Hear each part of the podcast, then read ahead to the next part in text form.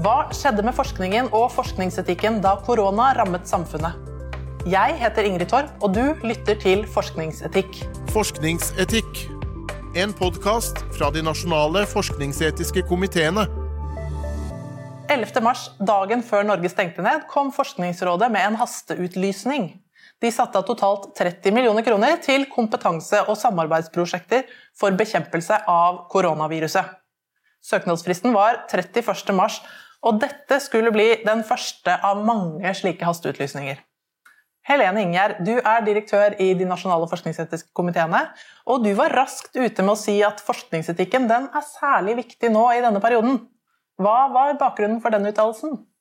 Ja, eh, vi er jo nå i en situasjon hvor det er eh, veldig stor etterspørsel etter kunnskap om dette koronaviruset. Altså hvordan det sprer seg, for å begrense smittespredning, men ikke minst knyttet til det med å utvikle en vaksine. Så det er eh, stor usikkerhet og stort ønske om, om mer kunnskap. Eh, og det, vi ser jo at alle stormaktene jobber med den vaksineutviklingen. Så her er det både sterke politiske og økonomiske interesser for å, for å utvikle ny kunnskap. Og forskningsetikken er jo da viktig for å sikre tillit til forskning. Eh, og det vi kan se da, er at Når eh, kunnskapen skal utvikles så fort, og det er så mye press, så er det også en risiko for at forskningsetikken kan settes til side. Eh, og Det kan gjøres på litt ulike måter. Altså det handler dels om selve forskningsprosessen, altså krav til kvalitetssikring og til sannferdig kunnskap. Nylig så var det forskere som gikk ut i Nature og som var bekymret for at russiske forskere hadde satt til side viktige krav til eh, altså kvalitetskrav ved at de ikke delte data som var grunnlaget for, for, de konklusjonene de hadde kommet til. Og det er en sånn type bekymring som man kan tenke seg i en sånn situasjon. Mm. Og så er det jo det som er knyttet til eh, hensyn som angår eh, de som deltar i forskning. altså forsøkspersoner, eh, som vi skal komme litt tilbake til. Men så er det også hvordan kunnskap brukes i samfunnet. Eh, hvordan forskning tas i bruk av ikke minst politiske beslutningstakere. Det kan være en risiko for at ja, f.eks. For eh, forskningsresultater kan overselges, eh, og at eh, risiko underkommuniseres. Eller at den usikkerheten som all kunnskap er beheftet med, at den også underkommuniseres. Og det, alt dette kan jo da gjøre at tilliten til forskning ja, blir svekket. Men så fikk vi jo se dette, på godt og vondt, hva som skjer når forskningsinnsatsen styres i én retning. Og Berge Solberg, du er professor i medisinsk etikk og nestleder i Den nasjonale forskningsetiske komité for medisin og helsefag. Hvis vi holder oss til forskning da, og forskningssystemet, hva godt kan vi få ut av en sånn krise? Kriser er jo veldig spennende fordi de setter ting på spissen. Så man, eh, det ble mer tydelig for oss hva, hva, ja, hva står på spill. Og flere vil engasjere seg, flere vil forholde seg til det. Og det er klart at forskningsetikk handler jo om å altså Særlig den medisinske og helsefaglige forskningsetikken handler om å beskytte personer samt mot, uh, mot skade eller urett uh, osv. Men det handler også om å balansere forhold. Et av de viktigste prinsippene i den medisinske og helsefaglige forskningsetikken er jo proporsjonalitetsprinsippet. Så forholdet mellom eh, risiko og nytte, eller, eller ubehag og ulempe og nytte.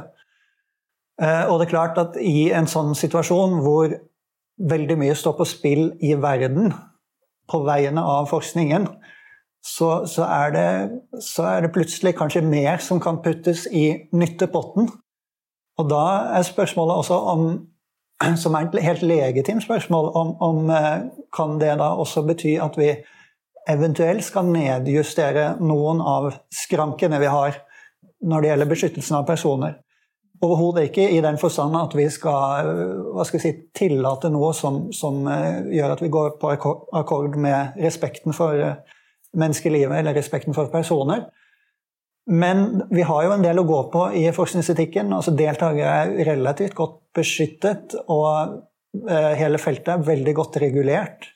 Så det vi får testa ut i en sånn situasjon, er jo også om, eventuelt om kanskje vi har noe overregulering av forskningen. Det, det, det vil bli et sånt sentralt spørsmål når plutselig ting gjelder i så mye større grad enn det kanskje gjør til vanlig. Det er litt av krisedynamikken. Så når nytteverdien blir rekordstor, så får vi kanskje presset litt på vår holdning til kostnadene her? Ja, sant? Det, og det tror jeg folk flest er med på. At eh, det kan jo hende at eh, ting endrer seg litt dersom eh, det som er i nyttepotten plutselig er mye mer enn det vanligvis er. Og, og så blir man klar over en del av begrensningene også, som, som legges på forskning.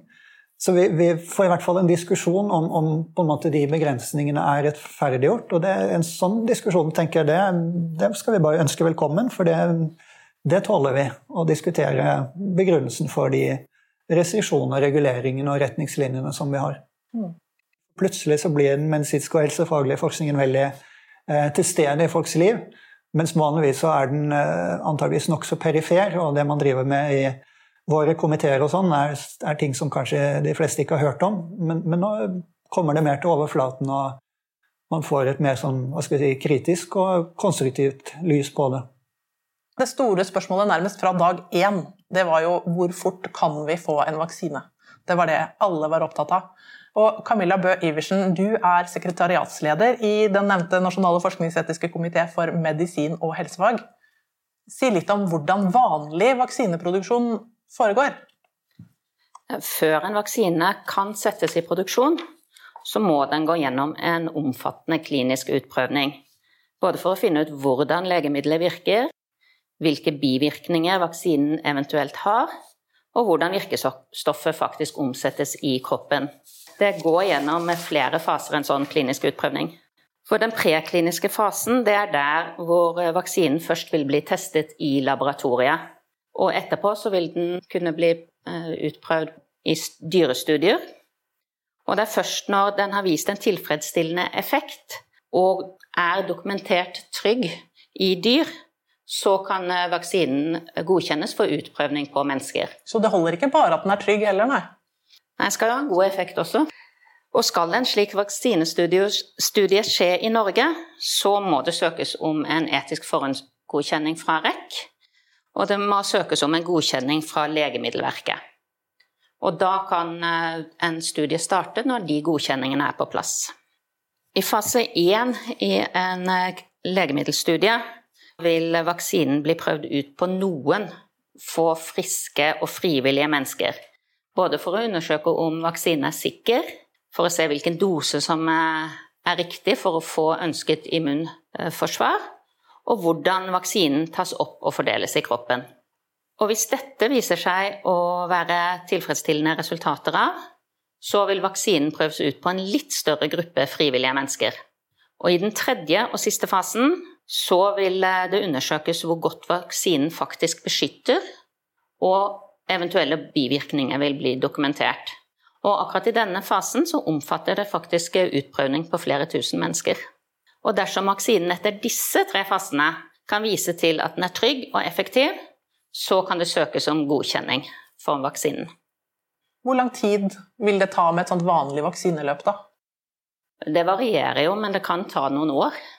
Og det var jo det vi hørte til å begynne med, at eh, de første estimatene var det kan ta et år. Og det, det hørtes veldig optimistisk ut, men nå ser vi at det har kommet langt allerede. Men hvilken risiko løper vi når det går så fort som det går nå? Det går fort med å utvikle en ny vaksine, men det går ikke på bekostning av den kliniske utprøvningen, hvor de skal dokumentere sikkerhet og effekt i vaksinen.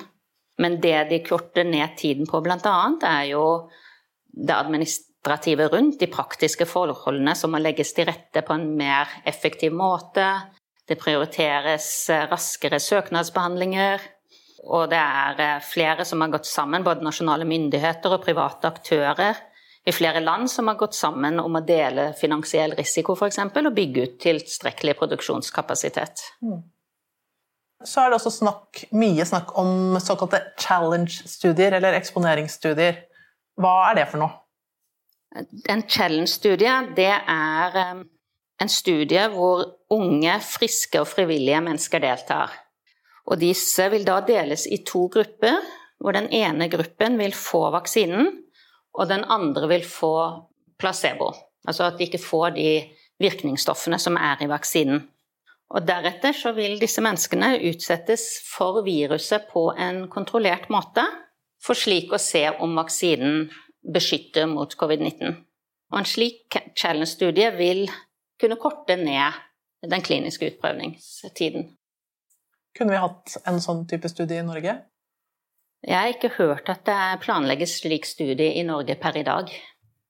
Men hvis det hadde kommet en søknad om en challenge-studie, en eksponeringsstudie, hva hadde det vært de mest sentrale forskningsetiske vurderingene i et sånn type prosjekt? Berge Solberg? Ja, eh, det er klart at det, det spesielle med en sånn eksponeringsstudie er jo at man bevisst forsøker å utsette deltakerne for smitte. Det syns nok mange i utgangspunktet er problematisk, og også fordi at vi har en, en forhistorie her i i forskningen og forskningsetikken rundt at eh, pasienter blitt, eller personer har blitt utsatt for direkte smitte i forskningens eh, navn. Og her er det jo snakk om en sykdom som i utgangspunktet kan være farlig og til og med dødelig. Og hvor man egentlig kanskje ikke har noen veldig god behandling. Så, så utgangspunktet så, så, vil man synes det var vanskelig. Og det som også er vanskelig ut ifra den uh, forskningsetiske tenkningen i komiteene, det er jo at vi har dette begrepet om uh, forsvarlighet. Og det er jo ikke sånn, verken i Norge eller mange andre land, at du får lov liksom bare å samtykke til en hvilken som helst studie, uansett hvilken risiko den har. Nei, det, først så gjøres det en vurdering i komiteene om man tenker at selve studien er forsvarlig, mm. og om da forholdet mellom nytte og risiko er eh, på en måte akseptabelt. Eh, og så Når komiteen har kommet til det, så kan du si at da tillates du da å bli spurt og samtykke til denne studien som kanskje allerede er vurdert som forsvarlig. Og I det tilfellet her så vil jo en del av forsvarligheten måtte hvile på at dette er eh, frivillig, eller at det er ønsket fra deltakerne. Fordi at liksom forsvarlighetsvurderingen uavhengig av samtykke, den, den, den er nok Eh, litt sånn vanskelig å, å si ja til. Så, så, man må liksom i mye større grad enn det man gjør i andre studier, vektlegge samtykke. Og si at dette bærer etikken i, i denne typen studier. Rett og slett at deltakerne er så informert på en så god måte, og at de står inne for det. Det er på en måte det som garanterer for eh, etikken. Og det, det har vi faktisk ikke så stor tradisjon for å gjøre. Derfor er det kontroversielt. For Vanligvis så skal det ganske mye til før man sier ja til en studie der forsøksdeltakernes liv står på spill? Ja. Det er klart det er, I all medisinsk forskning det, det er jo litt av grunnen til at den er spesialregulert. Så vil det kunne være risiko involvert. Så det er ikke noe sånn at eh, det er ukjent med risiko i, i, i forskningens navn. Men, men, det litt spesielle her er at man liksom bevisst påfører deltakerne smitte som, som, oppleves kanskje annerledes enn en at noen mer eller mindre tilfeldig, selv om man kan beregne kanskje antallet på forhånd, men noen mer eller mindre tilfeldig da, opplever eh, et ubehag eller ulempe eller skade i, i forskningens regi. Da. Mm. Men så er det jo sånn at per i dag så foregår det massevaksinasjon mm. i Russland og i Kina. Sikkert flere steder som vi kanskje ikke hører om. I USA så går Big Pharma, altså legemiddelgigantene, sammen for å hindre at vaksineutviklingen går for fort og på bekostning av kvalitet. Hva er det som står på spill i dette kappløpet, Berge? Ja, altså, det vi har sett da i Russland, eh, det, det, er jo eh, ikke noe betryggende. Sant? At man her tar snarveier og kutter noen av disse eh, fasene som Camilla beskrev. Så, sånn at man da faktisk ikke har et vitenskapelig belegg for å si om en vaksine er effektiv eller ikke. Og en annen ting som er viktig, er jo at det er mange vaksinekandidater på vei. Sånn at Det som også vil være veldig viktig for samfunnet, det er å finne ut hvilken av de som er mest effektiv. Og det kan man jo bare finne ut gjennom vitenskapelige studier. Det som er litt interessant, er jo at eksponeringsstudier der også kan ha en veldig viktig funksjon i det å teste ut flere ulike typer vaksiner Eh, relativt fort for å finne ut hvilken har best effekt for eh, samfunnet eller for ulike eh, grupper i samfunnet. Ja, For da kan du ha én gruppe per vaksine, ja. og så alle ellers de samme forholdene? Ja.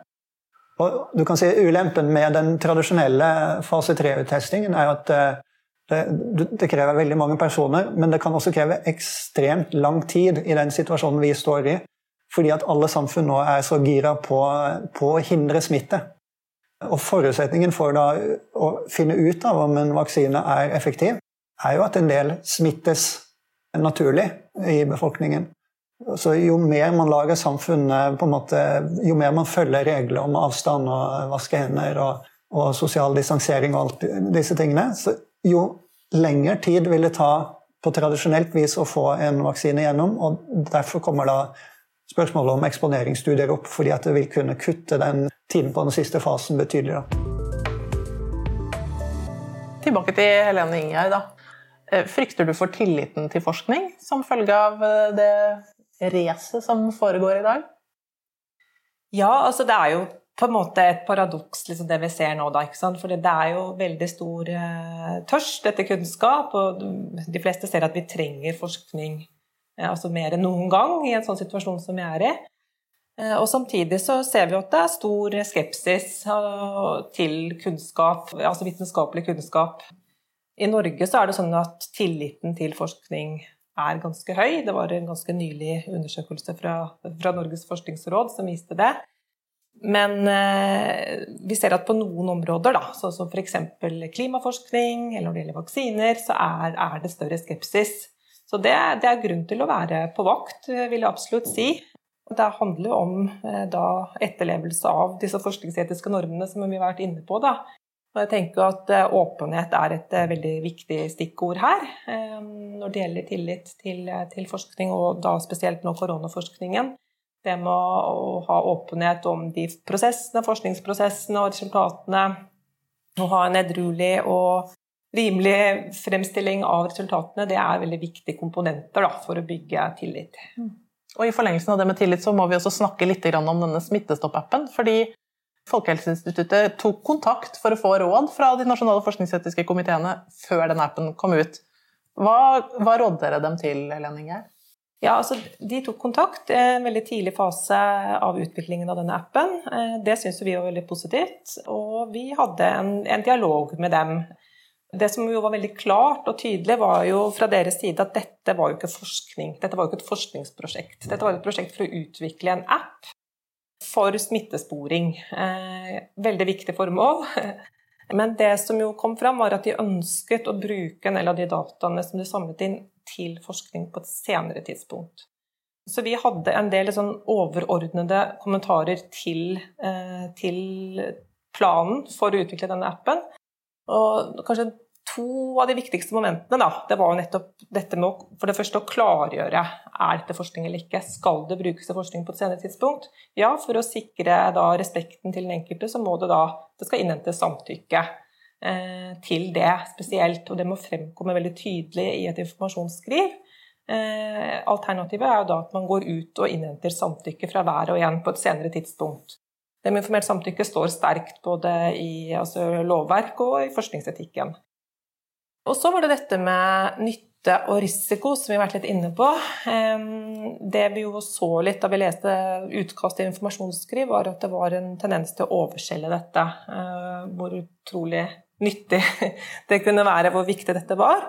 Og det, kunne det hende at det ville være, eh, men, vi mente at her var det liksom Kunne man gått tonene ned litt, da. Det er litt mer ja, realistisk framstilling, kanskje. Mm.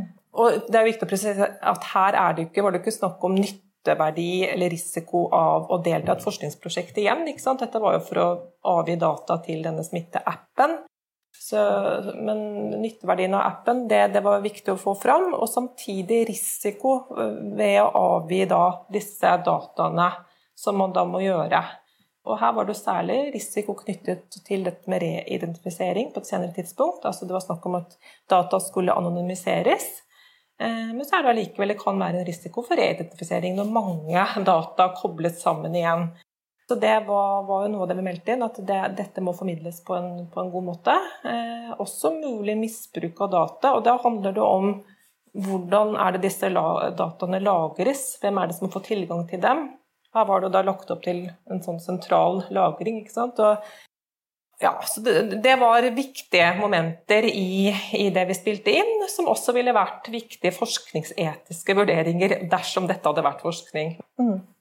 Da er det viktig å presisere at Folkehelseinstituttet selv har sagt at eh, formålet med denne appen var eh, sammensatt allerede i forskriften som de fikk for å gjennomføre dette. Det var både smittesporing og det å vurdere effekt av smitteverntiltak. Og I tillegg så understreker de at de har vært opptatt av å sikre anonymisering, og at personopplysninger bare skulle brukes i smittesporing og ikke i forskning. Og nå så er det en ny app på trappene, det har vi hørt. Eh, hvordan kan befolkningen få tillit til en sånn app? Ja, Da handler det jo nettopp om tenker jeg, å være tydelig på hva dette skal brukes til. Åpenhet i prosesser. Ja, jeg tror det er sånn to veldig viktige stikkord her. Tydelighet og åpenhet. Jeg tror nok de aller fleste kan se at en sånn app kan ha, ha en veldig viktig funksjon eh, i den situasjonen vi er i. Men da, det som jo skjedde sist, var at det ble et liksom sammensurium av ulike formål. Det kan være liksom vanskelig å vite hva som var, pluss da at det var en del av disse utfordringene som kom fram etter hvert, som ikke bare vi påpekte, men som jo ble påpekt av Datatilsynet og dette ekspertutvalget som ble oppnevnt. Så her var det jo en del eh, å ta lærdom fra da, til, til neste app. Så har vi fått også forskningsetiske debatter på aller, aller høyeste nivå. I en pressekonferanse som ble holdt 7. mai, så ble politisk toppledelse spurt om hvorfor de ikke ville tillate et prosjekt der de åpnet halvparten av skolene først, for så å vente en måned med å åpne resten. Bent Høie svarte at deres politiske vurdering var at en sånn deling ikke ville blitt akseptert i befolkningen. Han sa noen ganger har kunnskap en pris. Prisen hadde vært at halvparten av elevene ikke fikk starte på skolen neste uke, og den prisen var vi ikke villige til å betale. Camilla, dette forskningsprosjektet endte også på deres bord. Hvorfor fikk ikke FHI gehør for eh, forsøket sitt? Da NEM fikk denne klagen til behandling, så var allerede alle skolene åpnet. Sånn at um, forutsetningene for å gjennomføre prosjektet var ikke lenger til stede. Og da kunne vi jo ikke godkjenne det. Uh, og I tillegg så hadde det jo kommet såpass klare føringer fra regjeringen at dette var ikke noe de ønsket. Så du får vente til senere med om det kunne bli aktuelt? Berge? Ja, og så tenker jeg også at det, er klart at noen, noen, beslutninger er så samfunnsinngripende at uh, spørsmålet er om, om, eh, om, det er lurt at forskere og forskningsetiske komiteer skal ta de beslutningene, som f.eks. hvilke skoler som skal åpnes og ikke åpnes i landet. Da må kanskje politiske myndigheter inn og si at uh, nå har vi bestemt at det skal være en åpning av skole i de kommunene, men ikke i de, eller eh, der og der og ikke der. Eh, og så kan forskerne få lov å følge det hvis de vil, men, men at det liksom ligger en politisk beslutning i bunnen. For det, det, kan jo være faktisk noe sånt som hadde svekket tilliten til forskningen hvis, hvis eh, folk følte at såpass dramatiske ting i hverdagen liksom var et slags forskningsprosjekt. Eh, selv om det finnes faktisk gode grunner for det, som FHI er inne på. Sant? At vi visste jo ikke om det var bedre med, med lukking enn om åpning, og det kunne like gjerne kunnskapen her kunne bli brukt for å åpne fremfor å lukke. Så likevel tror jeg at det hadde vært vanskelig å selge inn i befolkningen, og at da er det gunstigere å overlate til politikerne å gjøre politiske vedtak om det, og så får forskerne forske i kjølvannet av slike politiske beslutninger. Så har vi jo sett at forskning og forskere har vært veldig synlige og viktige i hele perioden. Hele Norge har blitt kjent med og glad i, tør jeg si, assisterende helsedirektør Espen Rostrup Nakstad, fordi han kan det han snakker om. Og i USA har Anthony Fauci, immunologen, vært befolkningens ekspert. Tror dere at uh, disse forbildene, eller denne tilstedeværelsen av forskning høyt på agendaen, har vært med på å øke folks forståelse av hvordan forskning foregår? Det er vanskelig å si om det har økt forståelsen for hvordan det foregår, men, men jeg tror det har økt forståelsen for eh, den tette sammenhengen mellom uh, f.eks. behandling og forskning. Og det at, at vi er veldig prisgitt f.eks. medisinsk og helsefaglig forskning når man da står i en situasjon uten, uten, et behandlingstilbud. Og forskerne må liksom hive seg rundt, og det må utvikles vaksiner og, og de tingene der. Så, så ser man at det, det, her, det er en veldig tett forhold. Så tett at man eh, faktisk kan tenke litt på det Helene var inne på. Sant? Fordi at vi i de forskningsetiske komiteene har tradisjon for å tenke at behandling er noe helt annerledes enn forskning. Sant? Det er forskjellig bruk. Og at det må folk være veldig klare over. Sant? Så vi skiller de to tingene. og Det er strenge restriksjoner på forskning, kanskje strengere enn behandling. Men en sånn, en sånn paradoksal eh, innsikt nå er jo kanskje at plutselig ser man at disse henger så utrolig tett sammen. at det eh, gir det mening alltid å skilles så sterkt fra hverandre, disse formale, som vi sier nå. Mm. Det, men jeg tror i hvert fall folk har fått øynene opp for eh, forskningens betydning, men, og ikke nødvendigvis akkurat hvordan den gjøres, kanskje, men, men men også forskningens usikkerhet, eh, fordi det har vært masse forskjellige utspill og hypoteser og antakelser om det ene og det andre og spredning av viruset. Og, og det å se at her, her, her, tar det tid, her er det uenighet. Her må man liksom gå detaljert og nøye og rolig til verks for å prøve å komme nærmere sannheten. At denne prosessen der eh, har nok eh, selve metoden for å gjøre forskning, har man liksom blitt mer bevisst på. da. Jeg tenker at det er en veldig viktig del av den forskningsformidlingen. Da. Også at man også forklarer litt nettopp om selve forskningsprosessen. Jeg tror nettopp dette med at det tar faktisk såpass lang tid, at det er en, en innsikt som mange har fått med seg, dette med å utvikle en vaksine. Samtidig som man jo har andre altså på politisk ledernivå, som, som president Trump, som har gått ut og sagt at det skal være en vaksine på plass til presidentvalget 3.11. Sånn at det er liksom ulike stemmer her som selvfølgelig kan bidra til å svekke én tillit til, til forskning. Da. Er det noe vi kommer til å sitte igjen med etterpå? Kommer korona til å endre Forsknings-Norge på noen måte? Jeg tror det gjenstår litt på, på fasiten. For det er klart at nå er det jo økende diskusjon rundt eh, si, rettferdiggjøringen av tiltakene. Og som du sa, Espen Nakstad og veldig mange fra det medisinske og forskningsmessige miljøet har jo fått en veldig dominerende plass til å bestemme samfunnspolitikken og samfunnsutformingen i disse dager, da, i alle land. Og så kommer mye diskusjoner nå. Sant? Er, vi for strenge? Har, har, det kostet for mye på andre felt? Eh, det at vi ga liksom, medisinen og forskningen så stor plass, eller var det riktig dose?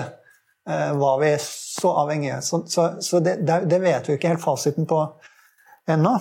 Eh, så kanskje kommer det litt an på, på måte, hva, hvor vi ender der. Men det har vært veldig spennende tid for medisin-, helse- og forskningsbransjen som sådan. Å stå sånn i fronten for samfunnsutviklingen og mye håp og, og desperasjon knyttet til det. Tusen takk. Dere kan lese om korona og forskning i det nyeste nummeret av Forskningsetikk. Sjekk ellers ut våre nettsider forskningsetikk.no.